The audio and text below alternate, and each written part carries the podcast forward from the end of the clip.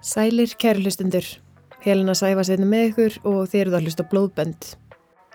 Máldagsins er engu öðru líkt, ég sagt. Það snerti mann einhvern veginn öðruvísi en önnur trúkræm mál. Það gerir það hjá mér allavega. Ég ætla að segja ykkur söguna af Geraldine Davidson og hvað rán inn á heimili hennar breyttist á örskamri stundu í martröð. Ég vil taka það fram að þátturinn er ekki við hæfi badna. Geraldine Davidson var 84 ára ekja sem bjó í Palestín í Texas. Hún hafði búið lengi eini húsinu sinu en hún bjó í grónu og fjölskylduvænu hverfi. Geraldine var grunnskólakennari á yngri árum og var svona góðileg, krútleg amma með kvítt hár, grönn og þetta vinalega andlit. Þessi amma sem að allir vilja knúsa og vilja vera nálægt. Þið viti hvað ég meina. Hún spilaði einni á orgel í kirkustarfi og var það starf mjög mikilvægur partur af hennar lífi. Allir sem þekkt hana elskuð hana og hún elskaði alla og var alltaf brostandi. Fyrir hádegi Þann 27. janúar árið 2000 skrapp Geraldín á bílnu sínum að sinna erindum og hún hafði ekki hugmyndum að fylst væri með henni. Í þeim tilgangi að brjótast inn á heimileganar og ræna öllu sem geti verið vermætt. Það var þau Daniel Simpson, 21 ás, eiginkona hans, Jennifer, sem var 17 ára, já þau voru gift. Lionel, 15 ára, en hann var yngri bróðir Daniels og lókum Edvard en hann var 13 ára frændið þeirra bræðra. Fjórminningarnir voru í leita peningum og verðmætum fyrir næsta skamti af fíknefnum en krakk kókain var þeirra efni. Þau voru öll fjögur virðingalöysir vandræðagemsar sem lauruglan hafi oft áður haft afskipt af. Gæti sagt að uppeldið hafi ekki verið upp á tíu á miða við hvað væri vændum. Þegar þau sáu að Geraldín væri farin að heiman, letu þau til skara skriða og brutu gluggan á útitýra hörðinni og fóru ófrálsum höndum um eigur gamlu konunar. Þau fundu nokkra 5 og 10 dólar að segla, klink og nokkra skarkrippi en fundu ekkert sem var eitthvað mikil sverði. Þau líku sér að því að henda niður skrautmunum á borðum, ítakvort öðru hlæja og henda niður myndum á veggjónum. Á meðan þetta var að eiga sér stað er Geraldín gamla að snúa aftur heim. Hún hlusta á morgunútvarpið meðan hún ógum hverfi sett og nöyð við blíðunar. Hún tók strax eftir því að einhver hafi brotist inn og skoðaði glerbrotin sem lágu þvers og kröss út um allt. Daniel hafði tvísasunum áður brotist inn til gamle konunar. Í setna skiptið kom hún að honum að róta í skúfunum hjá sér. Hún heilsaði svo hann rökk við og horfið skelvingar augum á hana. Elsku vinur, þú þart ekki að stela heima hjá mér. Komdu freka bara í heimsók, saði Geraldín og rétt honum 20 dólar að seðil. Hann reyf hann úr höndunum á henni og tók til fótana, en hann hafði ekki farið aftur eftir það inn til kumle konunar. Áður en Geraldín gæti tekið ákvarðin um hvað hún ætti að gera næst, stökka strákarnir þrýr aftan aðinni úr felum svo hún rekkur í kút. Daniel tekur hendunar hennar fyrir aftan bak og heldur hnífi upp á hálsunum á henni, mjög ógnandi og skipar henni að láta sig hafa peninga. Geraldín bendir skjálfandi á töskuna sína á gólfinu. Lionel rýfur þá allt upp úr töskunni og finnur nokkra stæðla og kortin hennar í veskinu. Lionel kemur með reypi og rétti Daniel sem byrjar að binda hendunar á henni saman fyrir aftan bak síðan límir hann teip fyrir munun á henni svo hún gæti öskra. Jennifer horfið á og gati ekki annað en vorkent gömlu konunni sem horfið á hana tilbaka með tárvotum augunum og augljóst var að hún var að byggja hann um að hjálpa sér. Þegar Jennifer segir að hún getið ekki, fer Daniel upp á aðra hæð og finnur kottaver sem hann breyðir yfir höfuðið á Geraldine. Hann skipar svo Jennifer að teipa saman á henni fætunar sem hún gerir. Að lokum hendir Daniel gamle koninni yfir aukslin á sér og fer með hana út úr húsinu og að bílnum hennar. Hann næra setja hann í skotti á bílnum óséður og skellir hurðinni á skottinu fast á eftir sér. Þau setja svo all fjögur inn í bílinn hennar og keira á brátt, eflaust með hraðan hjartslátt. Fljótlega vildi Jennifer fara heim svo Daniel keirir hann að þangað. Þá voru bræðunir á samt litla frændaðara eftir og keiraðir um allt hverfið og tala stanslist um hversu auðvelt þetta var og hlæja bröndur um hvers annars. Það sem mér finnst ógeðslegast í þessu máli er það sem gerist næst. Þeir rúnduðu um hverfið og stoppuðu á nokkur stöðum og kiftu fíknefni fyrir þýfið sem þeir fundu. En svo opnuðu þeir skottið á bílnum og síndu vinu sínum, Geraldín, eins og hún væri eitthvað síningagripur sem láðna skelvingur lostinn, skjálfandi og grátandi í skottinu. Og pæli í því Það tilkynnti þetta enginn. Öllum fannst þetta bara voðalast niðugt og gerðu grín af Geraldín. Gáðu Daniel svo high five áður en hann kerði aftur á stað. Þetta gerir mig orðlausa. Það var fullt af fólki sem vissu af og sáu Geraldín bundna í skottinu en öllum var sama. Þegar leið og daginn fóru strákarnir að ræða hvað þeir ætti að gera varðandi gömlu konuna sem var búin að liggja allan daginn í skottinu. Þá stakk Lionel upp á að þeir myndu bara drepa hana. Annars myndi hún léttilega benda á þá og þeir færi fangelsi fyrir mannrán innbrótu þjófnað. Þeir enda á að fara fram og tilbaka með ákverðunina. Daniel stingur upp á að koma við á skyndibitastað fyrst grípa með sér hambúrgar á franskar og taka svo loka ákverðin þegar þeir væri búinir að borða. Þeir keira út fyrir bæjamörkin og stoppa í skólendi við ána Netches River. Þeir hoppa allir út úr bílinum, opna skottið og rýfa gömlu konuna upp úr skottinu. Hún fellur í jörðina og Lionel segir hinnum að býða aðeins. Hann gengur í burtu en kemur svo aftur stuttu setna en þá með rísastóra steinhellu í höndunum. Hann stendur yfir Geraldín, liftir hellunni upp fyrir höfuð á sér og dúndrar henni beint á höfuðið á gömlu konunni.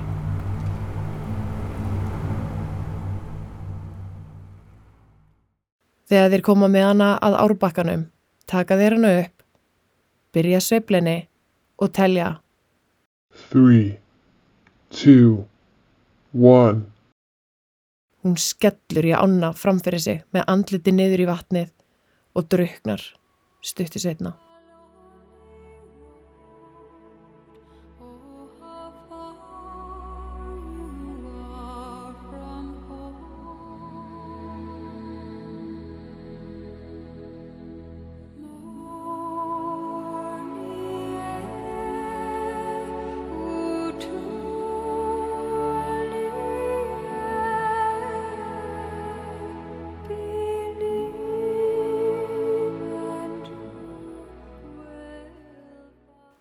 Á sama tíma er samstarfsfólk Geraldín að veltaði fyrir sér hvers vegna hún sé ekki mætt í kirkustarfið. Það var svo ólíkt henni og hún hefði aldrei gert það áður á þess að láta vita. Hún mætti alltaf í hvert einasta sinn og mætti ekki einu sinni á seint. Hún svaraði korki í heimasíman nýja farsíman og reyndu allir að hafa upp á henni með að ringja í vinen og ættingja en engin vissi hvar hún var. Ljóst var að gamla konan var tínt. Ættingi Geraldín fór að heimilennar til að aðtjóða hvort hún væri heima. Um leið og hann sá glerbrotin við útidrahöruna ringdan á laurugluna. Lauruglan kom svo að heimili Geraldín og sá strax að eitthvað hafi komið fyrir og greinilega hafi verið brotist inn. Líst var þá eftir bílnum hennar og hann tilkynntur stólinn þar sem hann var ekki fyrir utan húsi hennar. Þetta leiti ekki vel út. Aukumæður sem var að keira við Netjas Anna kom auga á eitthvað sem líktist mannesku fljótandi í vatninu. Hann stoppaði bílinu og vildi kanna máli betur. Hann sá fljótt að, jú, þetta var það sem hann held. Það var einhver manneski að fljótandi reyfingalös í ánni með andliti niður í vatnið. Hann ringdi lögurgluna sem mætti strax á vettvang og var hægt að staðfesta að um 84 ára Geraldine Davidson var að ræða og var hún úrskurður látin á staðnum. Einn af þeim lauruglumennum sem vann á vettvangi sagði að hann hafi aldrei séð neitt jafn hræðilega sorglegt á ferli sínum í starfinu. Hver gerir svona við 84 ára gamla varnarlausa konu sem hafi aldrei gert flugum einn? Hver hefur hjartað í þetta? Það leiði ekki lengu þar til blikkandi blá laurugluljós byrtust í baksinni speklinum hjá kvikindunum þrem sem ógu bíl gömlu konunar. Þeir reyndu að stinga af og hafðist þá bílaeltingaleikur en hann varði ekki lengi. Lauruglan skipaði strákunum að koma út úr bílnum með hendur á lofti og byssum var meðað á þá. Þeir hefðu ekkert um manna að velja úr þessu.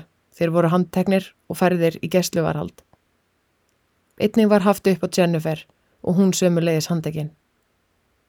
Við yfirheyslur bentu þau öll á hvort annað og lístu öll yfir sagleysi sínu. Það kemur svo sem ekki óvart. Ringt var í foreldra bræðrana og Edwards enda um unga úlinga að ræða.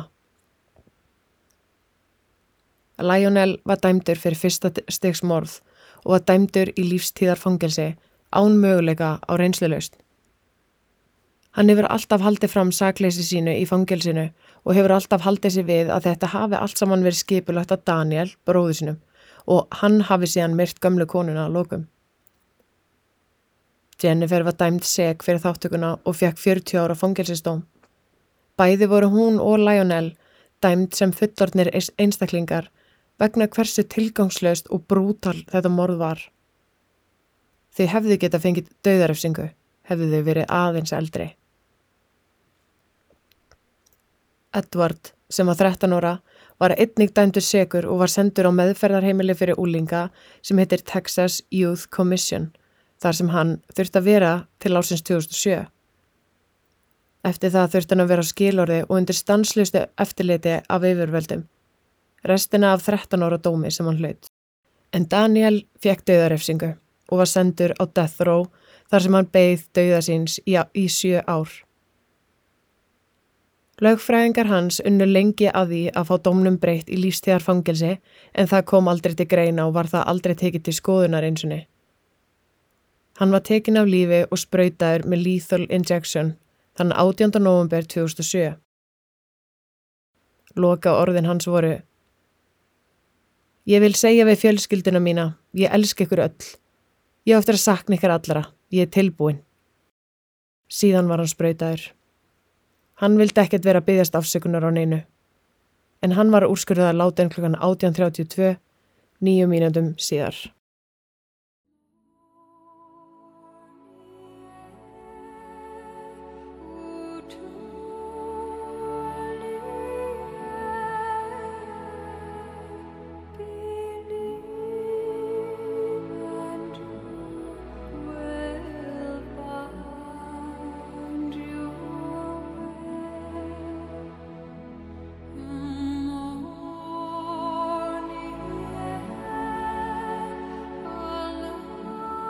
Þetta er svo óendanlega sorglegt. Ég skil ekki hversi svart hjarta fólk þarf að hafa til að gera svona lagað. Nánasta fólk Geraldín sögðu frá því að hún hafi ræðist einn hlut alveg sérstaklega í lífinu og það var vatn og sjór. Hún var ósynd og hafði alla æfi verið mjög hrætt við að fara í vatn. Það að hún hafi svo drauknað toppar alveg allan hryllingin sem auðmyggja konan þurft að þóla síðustu klukkutímana af lífi, af lífi sínu. Við krupningu komst í ljós að hún hafi verið enn á lífi þegar henni var hendi ána. Svo mögulega var hún með meðvitund þegar hún skall í vatni og druknaði svo á lokum.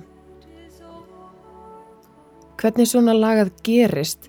Hvað þá þegar gerindirnir eru þetta ungir? Nægi bara ekki nokkurn hátt að skilja.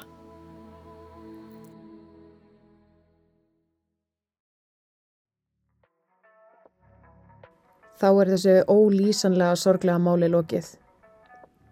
Ég man bara þegar ég sá fyrst heimildathátt um þetta mál að það virkilega satt eftir í mér. En þetta er klálega eitt af þeim sakamálum sem fær reyðina til að sjóða á manni. Það voru svo mörg tækifæri sem gáðust til þess að stoppa þetta.